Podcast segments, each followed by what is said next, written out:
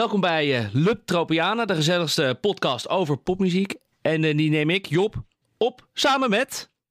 Met Niels, met mij. Welkom. Nou, hartstikke welkom. En voordat we vandaag de aflevering beginnen, beginnen we weer met wat, uh, wat housekeeping. Om te beginnen, als je dit nou een leuke aflevering vindt, luister dan al die andere afleveringen ook even terug. Uh, van harte aan te bevelen. En wat we ook helemaal leuk vinden, is als je ons sterren geeft in de iTunes Store. Dat hebben we de vorige keer gevraagd. En uh, we hadden beloofd dat we mensen een shout-out zouden geven als ze dat gedaan hebben. Massaal is daar uh, reactie op gekomen. Dus bij deze een shout-out naar de persoon die zichzelf Dr. Bud noemt. Friso D. We know who you are, dankjewel. Klak V, ook een dikke zoen. We hadden iemand die noemt zichzelf NVNVS. Ik weet niet wie dat is, maar super bedankt. En uh, de topnaam die een, uh, die een 5 sterren review heeft achtergelaten is de persoon die zich noemt Top Navigatie App. Dus dank daarvoor. Ook nog voordat we gaan beginnen, zouden we graag een, uh, een kleine throwback doen. Want we hebben eerder een aflevering gemaakt over Kraantje Papi en Guus Meeuwis, die een lied samen hadden gemaakt over Het is een Nacht. Dat was een aflevering over covers en over samples. En daar deden we aan het eind van de uitzending deden wij een voorspelling over um, misschien wat volgende nummer dat door de, door de mix gehaald zou gaan worden. Misschien er even naar gaan luisteren, Niels. Of misschien ook toch wel een favoriet, waar ik Ronnie Flex wel mee uh, ja, zie rondkomen. Waar sturen we hem het post mee in? Toen ik je verzetten heeft geen zin. Ik ben veranderd, een ander. En dit is pas het begin. Want je hebt niet in de gaten. Dus uh, Ronnie, Busy, dit is op voor de Toen ik je zag, van Hero. Ja. En wij hebben dus hiervan voorspeld dat hij door Ronnie Flex... of we hebben Ronnie Flex in elk geval getipt dat hij deze moest pakken. Inderdaad, we hadden voorspeld dat Ronnie Flex hier misschien wel mee zou kunnen. Helaas heeft niet Ronnie Flex hem te grazen genomen. Maar toen ik op vakantie was, uh, kreeg ik een uh, berichtje van een luisteraar die zei... Hey, uh, moet je nou eens even horen wie, wie er aan de haal is gegaan met dat lied. zullen we het eerst gaan luisteren of zullen we even zeggen wie het is? Laten we eerst even gaan luisteren. Het zijn meerdere mensen, hè? Ja.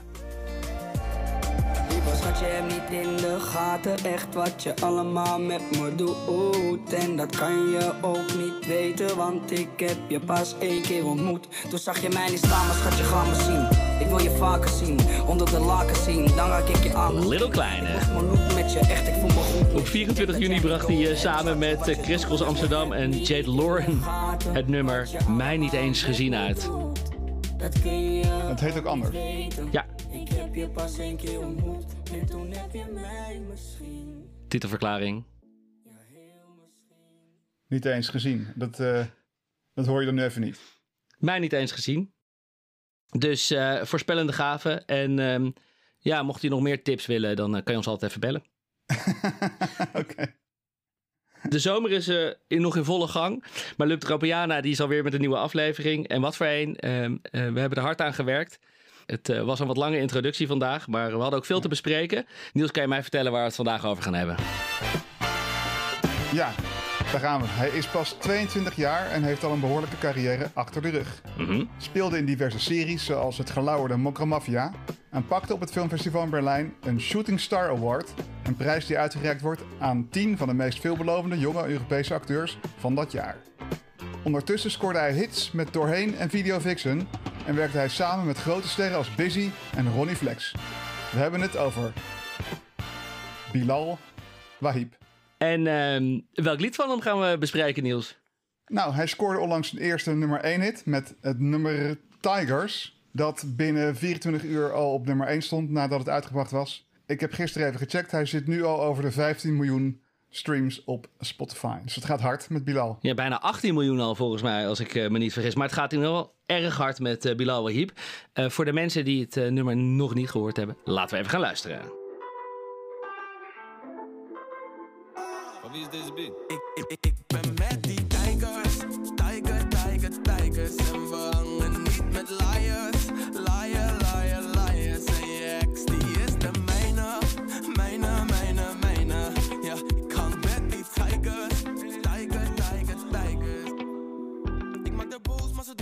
maar ze doen nog steeds maar was. Baby, kom eens hier, want jij weet dat ik je mag. Ja, ik ben met de Dit was dus Tigers van Bilal Wahib. En uh, je gaf in jouw uh, statige introductie aan die jongens 22. Wat deed je eigenlijk toen je 22 was? Goeie vraag. In elk geval niet zulke dwingende beats en hitjes produceren. Of zulke catchy hooks de eter in slingeren. Eh, en daar gaan we het over hebben. We gaan, eh, we gaan praten over beats en hooks. En waarom die zo goed werken bij Bilal. Ik ben ontzettend benieuwd ook eh, wat die beats dan allemaal wel niet inhouden. Het is een eh, Nederlandstalig lied. Maar de titel is Tiger. Wat is eigenlijk een tiger in zijn eh, wordplay? Ja, nou dat viel mij ook op. Ik herinner me wel dat in een eerder nummer, in het nummer, eh, ik geloof Video Vixen, had hij het ook al over tigers. Kunnen we even naar luisteren? Hey tijger, ik wil dat je naar me toe gromt. Ik ben die guy die je brengt naar je toekomst. Geloof me, je weet niet wat je toekomst. Ja, hier bedoelt hij natuurlijk een, eh, een vrouw, denk ik. Hey tijger, ik wil dat je naar me toe gromt. Maar als je kijkt naar de clip van Tigers, dan zie je ook heel veel eh, eh, ja, stoere vrouwen figureren. Maar als je goed naar de tekst luistert, dan lijkt het ook meer te slaan op dat hij met zijn homies hangt. Dat het zijn, eh, zijn possie is waar hij over zit. Misschien zijn, zijn tribe. Zijn urban tribe. Ja. een beetje onduidelijk dus eigenlijk. Ik heb een deskundige gevraagd om hier haar licht over te schijnen. Want wij spraken onlangs met Aafje de Roest, Mhm. een eh, vriendin van de podcast. Die toevallig ook promoveert op culturele identiteitsvorming onder Nederlandse jongeren. Super tof. En eh, binnenkort is ze ook de gast in onze podcast. Eh, maar ik had haar even gebeld met dit vraagje. En toen antwoordde zij het volgende. Mij is dat een eh, dubbelzinnig eh, woordje waarin die tigers, die dat slaat zeg maar op zijn strijders, dus op zijn maddies. Ehm, en hij is wel met tigers, ik ben met die tigers, tigers, tigers. En hij is niet met liars, dus hij is niet met mensen, ehm, hij omringt zich niet met mensen die niet real zijn, zeg maar. Die fake zijn en die liegen. Ehm, en dat maakt hem natuurlijk meer real. En eh, het is ook een, natuurlijk een soort verwijzing van tijger, weet je wel. Dat is een soort benoeming voor een lekker meisje natuurlijk. Dus hij omringt zich ook met mooie, leuke vrouwen die hem niet bedriegen. Dus het is een beetje dubbel. Dus eh Aafje zegt eigenlijk, het is eigenlijk de tijger die we in dat eerdere Video Vixen lied hebben gehoord. Het is een, eh, een tijger. Rrr, kom hier tijger. Maar het zijn dus ook zijn awesome klik met wie die aan het hangen is. Ja, dus eh, dat is handig, want zo appelleert het aan eh, een grotere doelgroep. Mhm. Dus dat is eh, slim gedaan. Heel goed. Nou, dan hebben we dat in ieder geval uit de weg. Hartstikke tof. We hebben net een stukje van, het, van deze smash hit van Bilal Wahib geluisterd. Er viel me nog iets op, helemaal aan het begin van het, eh, van het nummer. Eh, misschien nog even leuk om even terug te luisteren. Het allereerste begin. Van wie is deze beat? En daar gebeurt iets heel bijzonders. Want daar horen we iemand eh, vragen: van wie is deze beat? Ja, in meerdere hip-hop hitjes tegenwoordig hoor je het wel eens eh, voorbij komen. Dus wat voor fenomeen is dit nou? Zo'n stem aan het begin. Ja, we gaan dat helemaal ontrafelen. Zin in. Om te begrijpen wat hier aan de hand is, moeten we twee vragen beantwoorden. Eh, wat is de beat? Want hij vraagt van wie is deze beat? En waarom is het belangrijk dat die vraag gesteld wordt? Ja, waarom willen we dat eigenlijk weten van wie die beat is? Ja, precies. We gaan beginnen met: wat is nou eigenlijk een beat? Ja, ja, het is een goede vraag. helemaal terug. Nou, vroeger bestond de beat uit een, eh, een drumpartij, gewoon een, eh, drums, zeg maar. En dat, dat klinkt zo. Een drummer en een drumstijl, heel De simpel. drummer in de band, die maakte een beat. Ja, muzikanten maakten muziek. Eh, eh, eh, nou ja, dat is logisch. Drummer drumt, de gitar- gitarist gi- speelt gitaar en zo verder. Mhm. Maar daarnaast was er een producer en die verzorgde de sound. Zo'n herkenbare sound in het beste geval. Hmm, dat is die man die eh, dan eh, buiten de studio en al die knop, aan die schuiven en die knopjes zit te draaien. Is dat het beeld ongeveer wat ik ervan moet hebben? Ja, dat is dan weer een engineer. Maar de producer is dan verantwoordelijk voor de uiteindelijke sound die op de plaat gedrukt wordt. Zeg maar. Hmm. Denk maar eens aan eh The Wolf Sound van eh, Phil Spector. Ja,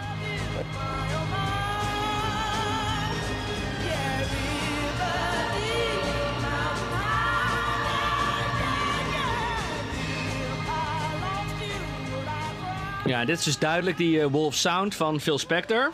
Ja, die kan je niet doorheen. Ik hoor je bijna niet, wat? En nu komt, nou mag jij raden Job. LL Cool J is hard as hell. Battle anybody, I don't care, you tell. I excel, they all fail. Oh. Ja, dit is natuurlijk Rick Rubin. Ja, die had een rijtje met dit soort eh, hits in de jaren 80. Grappig is dat hij later deze sound ook nog eh, voor de, de Black Album van Jay-Z. Die was ook op zoek eh, weer naar producers. En toen kwam hij ook bij Rick Rubin uit. En hij heeft die eh, onder andere het welbekende nummer 99 Problems But a Bitch and One van Jay-Z. Hoor je dit ook op terug. Laten we er even naar gaan luisteren. I got 99 problems, but a b- ain't one. I got the rap patrol on the patrol. To make sure my clothes. Rap critics say he's money cash. I'm from the hood, stupid. What type of facts are those? If you grew up with hoes- Top. Dat was dus Rick Rubin, die het kunstje nog steeds niet verleerd is. Nee, nog steeds niet. En de laatste, laten we ook even gaan luisteren. De laatste was Ricky Martin. Nee, George Martin. Live la vida loca. Met de Beatles.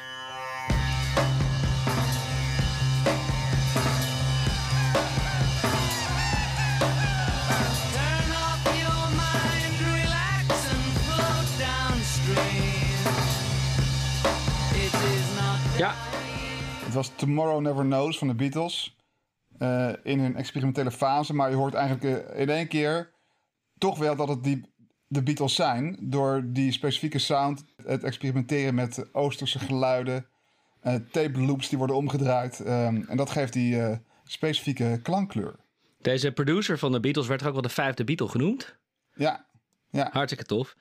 Cool. Ja, dus zo zie je dat die producers een hele dikke stempel drukten op de eh, uiteindelijke klankkleur van, de, van, de, van die muziek. Ja. En die zijn ook te onderscheiden van elkaar. Er zijn bepaalde er zijn stromingen in te onderscheiden. En ehm, eh, die evolueert natuurlijk ook. En dat gaat steeds sneller.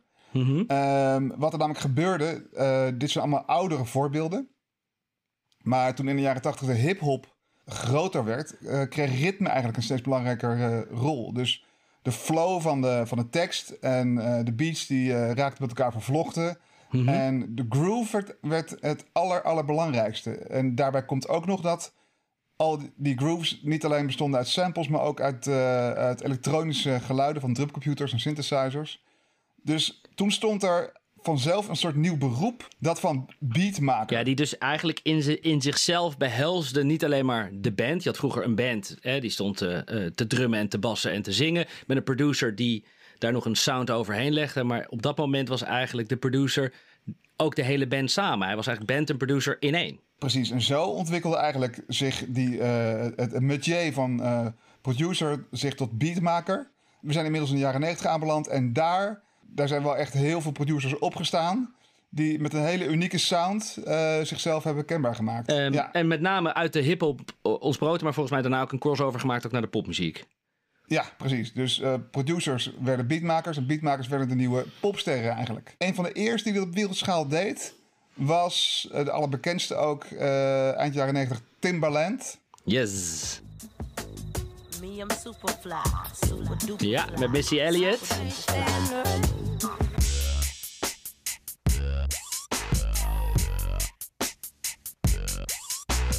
would you do to get to me?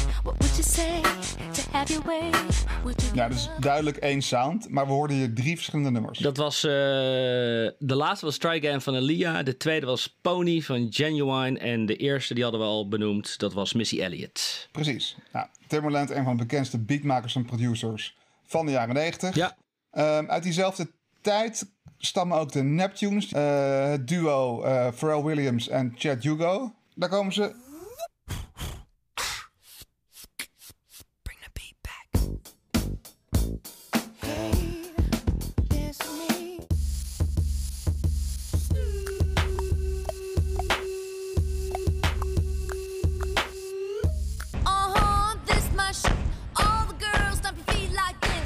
Ja, deze sound is toch weer heel anders. Ehm, dit is wat meer een beetje vieze sound, vind ik het. Wat vind jij, Job? ja, het is een vieze sound, wat kalere sound. En volgens mij Ja. speelt ze ook heel veel van die, eh, van die melodieën in op eh, van dit kinderspeelgoed en zo. Echt om een beetje zo'n hele Do it yourself. do-it-yourself mentaliteit, maar daarom wel ja, super aanstekelijk volgens mij. Het resoneerde bij heel veel mensen. En eh, volgens mij stond de hitparade stond er vol met deze gasten. Maar eh, naast de Neptunes en Timberland was nog een derde grote producer. Misschien ook wel een van de aller, allergrootste. Groot geworden met NWA zelf in de jaren 80. Laten we even naar Dr. Dre luisteren.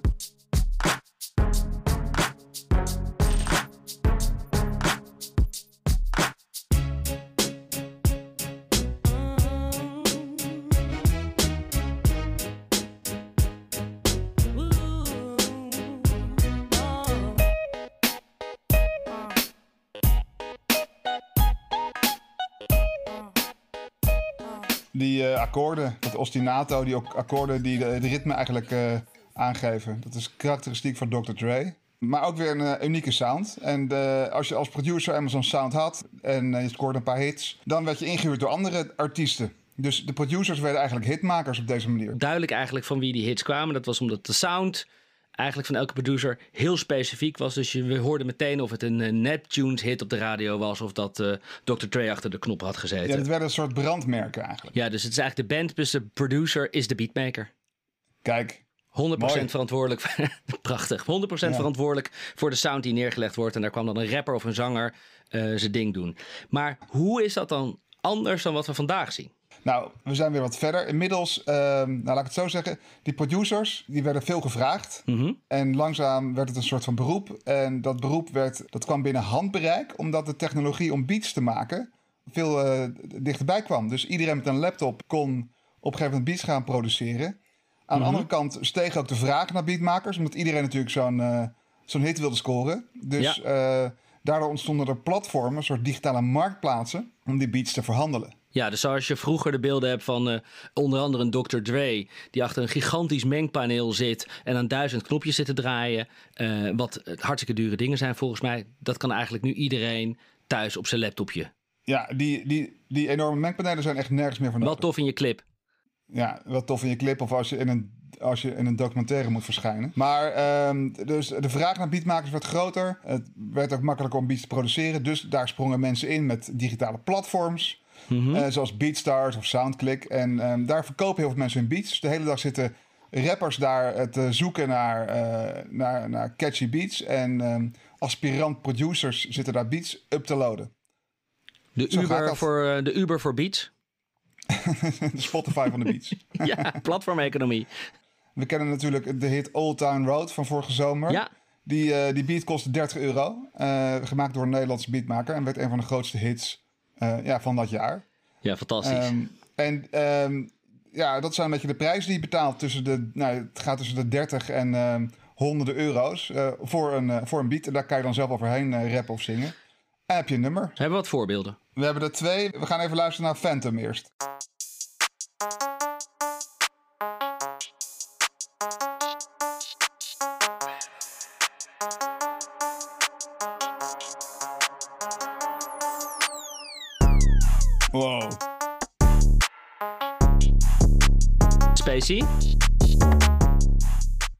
Oké, dat was Phantom. Heb je hem? Moeten we nu gaan gokken wie we over deze beat Nou, we gaan, ik laten laat eerst de andere horen. En dan Oh moet jij zeggen voor welke je meer geld over zou hebben. Gaan we. De volgende is van Kaide. De.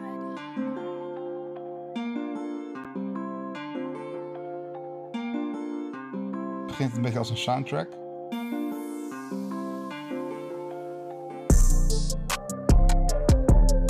Bijna een heel nummer, toch? Een beetje een pentatonische schaal hoor ik. Een soort lava muziek. Welke, denk je, welke heb je meer geld voor over?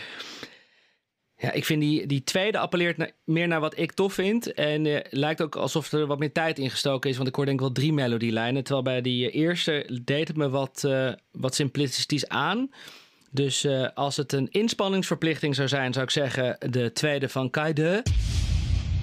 En eh, nou, eigenlijk vind ik die gewoon beter. Dus eh, Phantom helaas. Geen stoelen omgedraaid voor jou. nee. nee, klopt. Die, eh, die, die tweede is ook 20 euro duurder. Oh. die is 50 euro. En die is nog up for grabs. Ja, up for grabs. Dus als er luisteraars zin hebben om een hitje te scoren, Kuide heeft eh 50 ekkies nodig en je kan los. Ja, zo gaat dat. Zo gaat het dus tegenwoordig, Job. Jemig, wat, wat ontzettend interessant. Super interessant, hè? Ja, dus we hebben nu, eh, nou, nou vind ik echt. En als we dit, eh, we hebben net, we begonnen eigenlijk met, eh, met de twee vragen: wat is een beat? En waarom willen we dan weten van, van wie is die beat? We begrijpen nu wat een beat is. Het is helemaal geëvalueerd naar wat eigenlijk eerst een producer was. die een band hielp om een sound te creëren. Is het eigenlijk doorgeëvalueerd in de jaren 90, 2000, waar hip-hop producers het heft volledig in handen namen. En eh, de hele sound, maar ook de instrumentatie neerzetten. Dus eigenlijk nog meer Ja. een macht, macht naar zich toe eh, trokken. Ja. En nu kan iedereen dat doen. Dus eh, de beat is eigenlijk geëvalueerd naar de drummer die op zijn bass en kick een, eh, een ritmepatroon neerlegt. En naar iemand die eigenlijk de hele song neerzet zoals Kuide dat voor 50 euro net gedaan heeft. Is dat een goede samenvatting? Ja, ik, ik had het niet beter kunnen samenvatten. De podcast was meteen ook een stuk korter geweest als jij dit gewoon eerder had verteld, denk ik. Ja, maar dan hadden we niet al die... eh, het leent zich juist zo goed. ja, het leent zich zo goed om er even lekker naar te luisteren. Oké, dus wij weten nu wat een beat is, wat een beatmaker is. Ehm, maar we gaan weer even terug naar het lied van Bilal Wahib... waarin hij in het begin wordt gezegd, van wie is deze beat? Nou, waarom willen we dan weten van wie, wie is deze beat? Van wie is deze beat? Nou, je kan het misschien zelf wel invullen, maar ik heb net uitgelegd dat het aanbod van beats zo ontzettend groot is geworden. Ehm, en daarom is de marketing van, van, van jou als beatmaker eh, ook veel belangrijker geworden. Dus het is belangrijk dat mensen horen wie er achter die beats zit. Omdat er zoveel soorten pindakaas zijn... dat je dus niet die ene die nootjes heeft eruit kan halen... zoals dat vroeger bij Dr. Dre ging. En dan was Precies. de light versie was Timbaland... en de, nou, de normale waren dan de Neptunes, weet ik veel wat. Eh, dat hoor je nu niet meer, dus nu is het handig dat mensen het even zeggen. Ja, dat. En tegelijkertijd is het ook een soort, een soort bescherming. Je kunt dat niet makkelijk jatten. Dus, eh, Zo'n tag heet dat. Dat is een, eh, een soort brandmerk waarin, eh, waarbij geroepen wordt wie die beat gemaakt heeft. Die, Ja. eh, die biedt ook een soort bescherming tegen diefstal. Als een rapnummer dus begint met iemand die eerst door de beat... en die zegt la la la la... dan weet je dat hij over die tag heen aan het zingen is. ja, doordat hij, dat hij die tag verstopt onder een andere... Oké, nee, begrijp ik. Dus dat, het is een soort brandmerk en het is Ja. tegelijkertijd een soort marketing. Eh, heel veel Nederlandse producers doen dat dus ook. Ja. En onder de Nederlandse producers zitten een paar grote sterren. Eh, we hebben een paar achter elkaar gezet van die tags. Ja. Zodat jullie allemaal weten wat dat precies is, hoe dat klinkt. Jacques Chirac. Ik heb een moeder in Parijs, ook een moeder in de kist. Dus-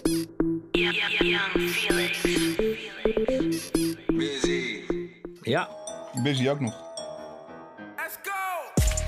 Hey, Let's go. we rennen nog steeds. Met die range money in Town road, I'm ride till I can't no more. I got the horses in the bag. Horse stock is attached. Ja, dus je hoorde hier Jacques Chirac. Young Felix, Esco, Young Kio in de mashup. Ja. En die kunnen er goed van leven. Is het ook niet eh, heel handig om het te zeggen dat als je een keer iets maakt wat volstrekt niet in jouw soort eh, sound past, maar dat mensen wel weten dat het van jou is? Dus als jij op een gegeven moment een, eh, Oh ja. Een soort ander soort lied gaat maken, dat Dr. Dre, die moest alsmaar dezelfde dingen maken, want ze kwamen voor dat ding bij hem. Maar dan wist je op een gegeven moment niet meer als hij iets heel anders deed, dat het van Dr. Dre kwam. Maar Ah. Jacques Chirac maakt hele verschillende soorten producties, dus hele little kleine top 40 hitjes, maar ook wel dingetjes die wat eh, obscuurder zijn. En hij heeft altijd dat Jacques Chirac heeft hij ervoor zitten. Een vehikel voor eh, persoonlijke creatieve ontwikkeling. Ja, dat je kan zien, kijk eens hoe ver ik, eh, hoe, Ja. hoe, hoe, hoe anders ik het nu doe, maar het blijft Ja. nog steeds het Young. Felix, of weet ik Ja. veel wat. Ja, dus eigenlijk biedt het juist een mogelijkheid. Door te taggen dat iets van jou komt, maak je Mhm. het voor jezelf makkelijker om eh, over grenzen te gaan. Ja, nou, is ook nog een aardige angle. Ja, precies. Interessant. Succes daarmee, mensen. Ehm, eh, dit is in producerland een, een redelijk nieuw fenomeen, hè, wat we al hebben uitgelegd. Maar ik kan me bijna niet voorstellen dat er niet een paar bejaarden dit ook al verzonnen hebben, Niels. ja. ja, een van de allerbekendste eh, klassieke componisten die dit deed, was Mhm. Johann Sebastian.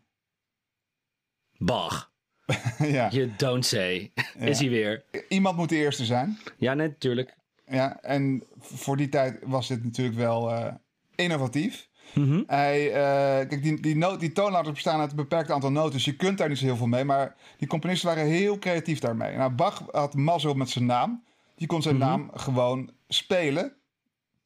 Met gebruikmaking van de namen van de tonen.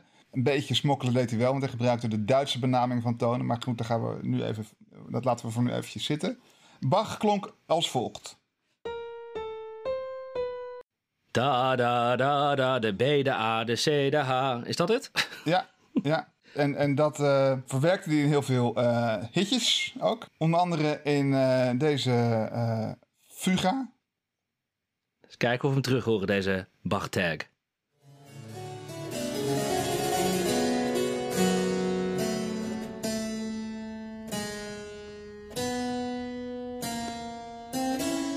Niet. Hoor je hem? Wauw. Ja, Ja. En dan varieert hij verder op. Dus dan wisten luisteraars meteen, dit is. Bach. Doe mij die producer. Ja. Dat ze elkaar daar zo in zo'n salon, zo'n salon in Wenen aantikken. Ze ah, dat is de Bach.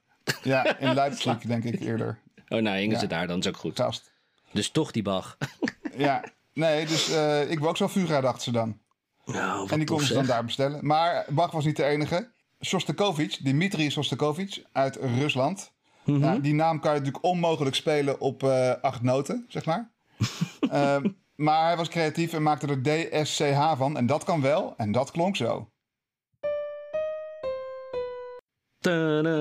Ja, kijken of we hem herkennen.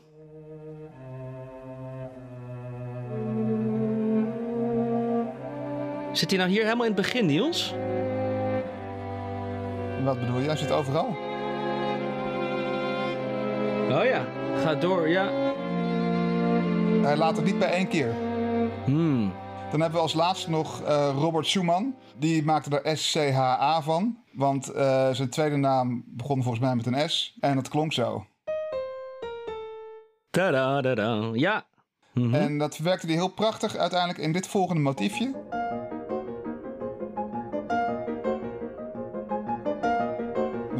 Een keer, nog een keer.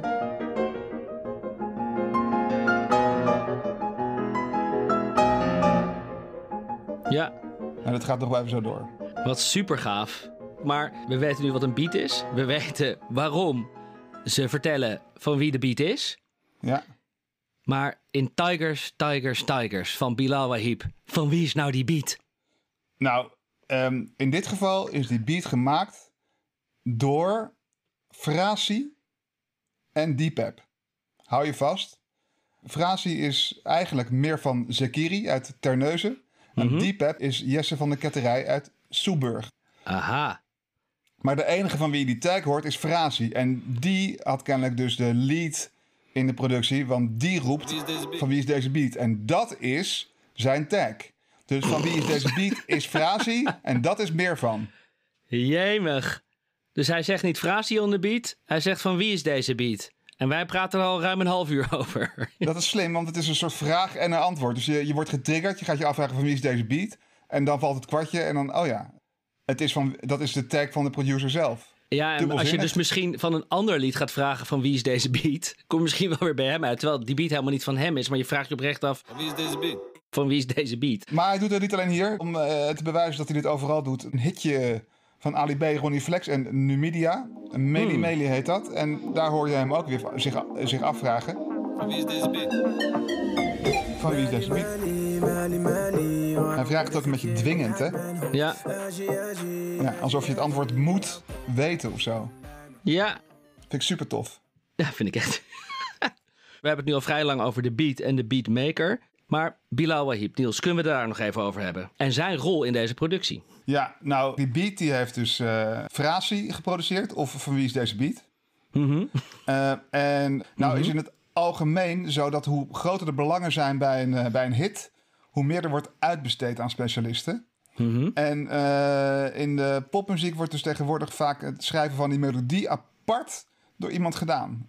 Dat heet dan, een, die persoon die dat moet doen is een topliner. Die Aha. ook alleen verantwoordelijk voor ja, de topline, de topmelodie. De, de, de zanglijn. Ja, precies. En het, het belangrijkste daarin is dat, dat je voortdurend hooks creëert. Dat je voortdurend korte melodische motiefjes eh, de eter in slingert die heel erg catchy zijn. Toenemende mate gaat dat zo. Dus die, die topliners, het zijn hele get- getalenteerde muzici of zangers of zangeressen. En die leggen eindeloos veel melodielijnen neer. Totdat de producer zegt, deze moet ik hebben.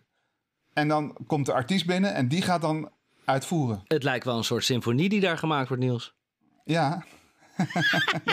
nou ja, ik denk dat in dit geval Bilal dit zelf gedaan heeft. Mhm. Eh, maar we hadden het er al eventjes over dat hij eh, heel jong is en al heel wat hits gescoord heeft. En eh, ook in andere creatieve hoeken succesvol geweest is. Dus ik moest heel erg denken aan een andere artiest die met melodieën strooit alsof het pepernoten zijn. Al van een tijdje terug. En dat is Wolfgang Amadeus Mozart, Job. Hey.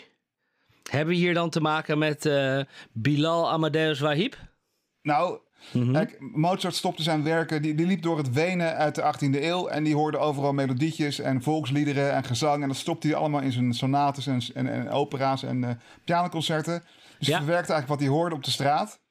De melodische rijkdom is ongekend. En een jong genie ook, net als Bilal. En toen dacht ik, misschien is het grappig om te kijken wat, wat Mozart nou componeerde op zijn 22e. En dat een beetje te vergelijken met wat Bilal gedaan heeft met dit nummer Tigers. Oh, wat grappig. Hartstikke goed. Twee eh, genieën op hun 22e. Al veel achter de kiezen. Met nog een mooie toekomst eh, voor zich. Ja, versus battle. Let's do it. Nou, Mozart dus, wat mij verrast is dat hij op zijn 22e al zijn negende pianoconcert uitbracht. En daar is iets aan de hand met dat concert, kwam ik achter. Ja, hij schreef dit werk voor iemand, zette daar in het Duits boven, Vuur die Jenomi. Mhm. Ja, dat zeg je denk ik helemaal niks. Nee, zeg maar niks inderdaad. Heel lang is gedacht dat het een dame was, maar wat langzamerhand ontstond was de opvatting dat, eh, dat Mozart eigenlijk helemaal niet goed eh, hij kon prachtige muziek schrijven, maar zijn Frans was heel gebrekkig.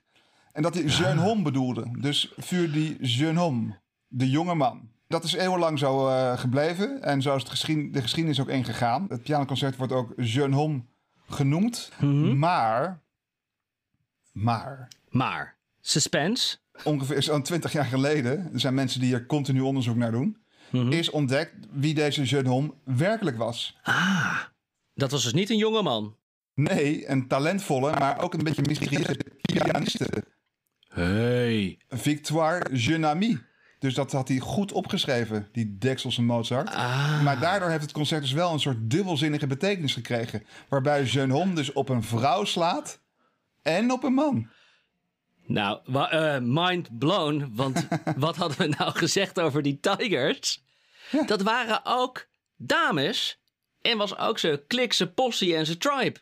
Ja, precies. Nou, wat. Maar er zijn meer overeenkomsten. Laten we eens luisteren naar het begin van het concert. Het was in die tijd gebruikelijk bij pianoconcerten... dat je eerst dat je begon met een, eh, met een expositie van, eh, van het thema. Dus eh, dat het concert eh, het voortouw nam... en dat die piano pas na een tijdje klonk.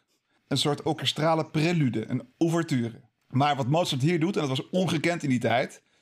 die serveert meteen het hoofdgerecht. Die, komt, die dendert meteen binnen met de piano. Luister maar even. Daar is hij meteen. Net zoals Bilal meteen met het refrein begint.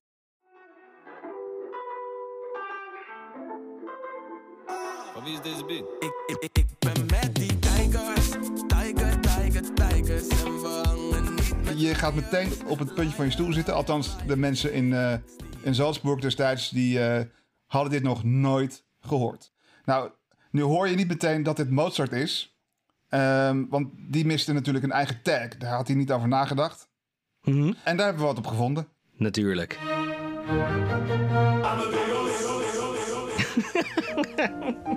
Past goed, toch?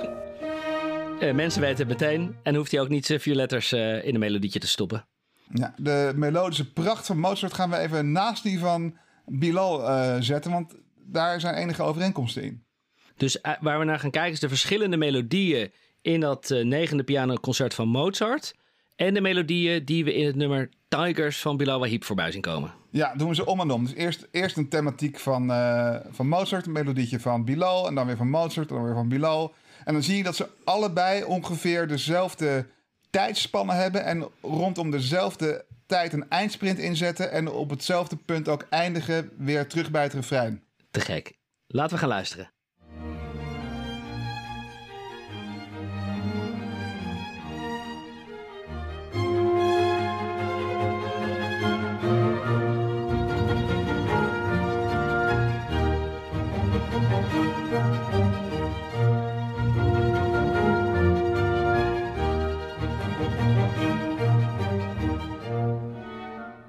Dit was hem. Ja, Nu komt Bilal met zijn eerste thema. Meteen het refrein. Van wie is deze beat? Ik, ik, ik, ben met die tijgers. Tijger, tijger, tijgers. En we hangen niet met liars. Liar, liar, liars. En je ex Eerst een melodische ja. motief. wel wat repetitiever dan Mozart. Zeker repetitiever, ja.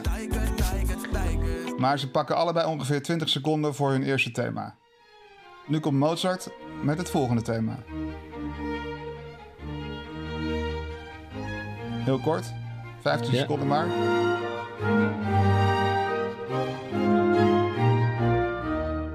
Nou, komt het refrein bij Bilal. Tweede melodische thema, ook ongeveer 10 seconden. Ik maak de boos, maar ze doet nog steeds maar was. Baby, kom eens hier, want jij weet dat ik je mag. Ja, ik ben met de gang die er gisteren ook was. Zo, die er gisteren ook Dan gaat Mozart weer verder. Derde thema.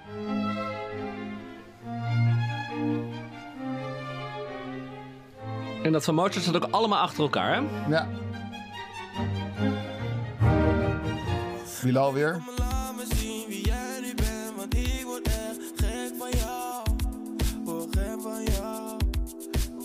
En dan komen we nu bij het laatste thema van dit deel. Mozart werkt hier toe naar het einde. Dat noemen we de coda. Ja. Houdt hij even in. En Bilal doet het ook.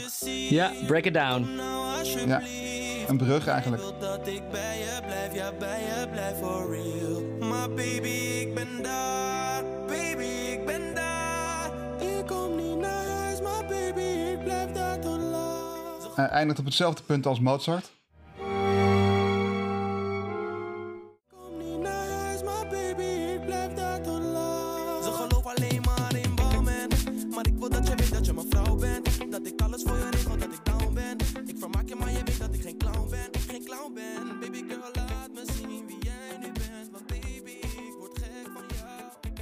Ja. En nu zijn we weer terug bij het refrein. Ik, ik, ik ben met die tijgers. Na Tijgers en 1 minuut en 45 seconden. Mozart pakt ook door naar het refrein. Neemt iets langere aanloop. Dun, dun. Nou, dat is duidelijk het einde. Hè? Ja. Ja, nog een keer verder. En dan wachten we tot hij bij het beginthema aankomt.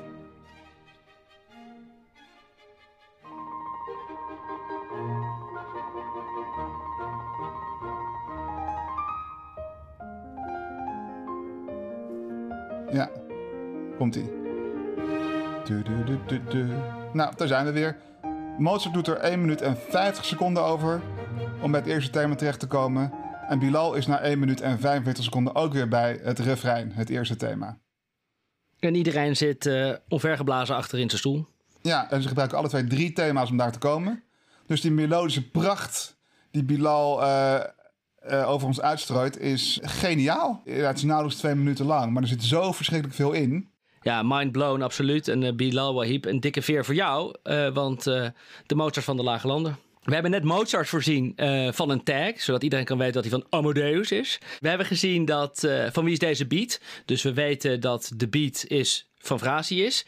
Maar eh, ja, wanneer krijgt Bilal ergens zijn credits dan, Niels? Ja, daar hebben we dus een tag voor nodig. Net zoals de beatmakers genoemd worden, misschien ook aardig om de mensen die de melodie in elkaar geschroefd hebben een kleine shout-out te geven aan het begin van een lied. Komt-ie. Voor wie is deze melodie?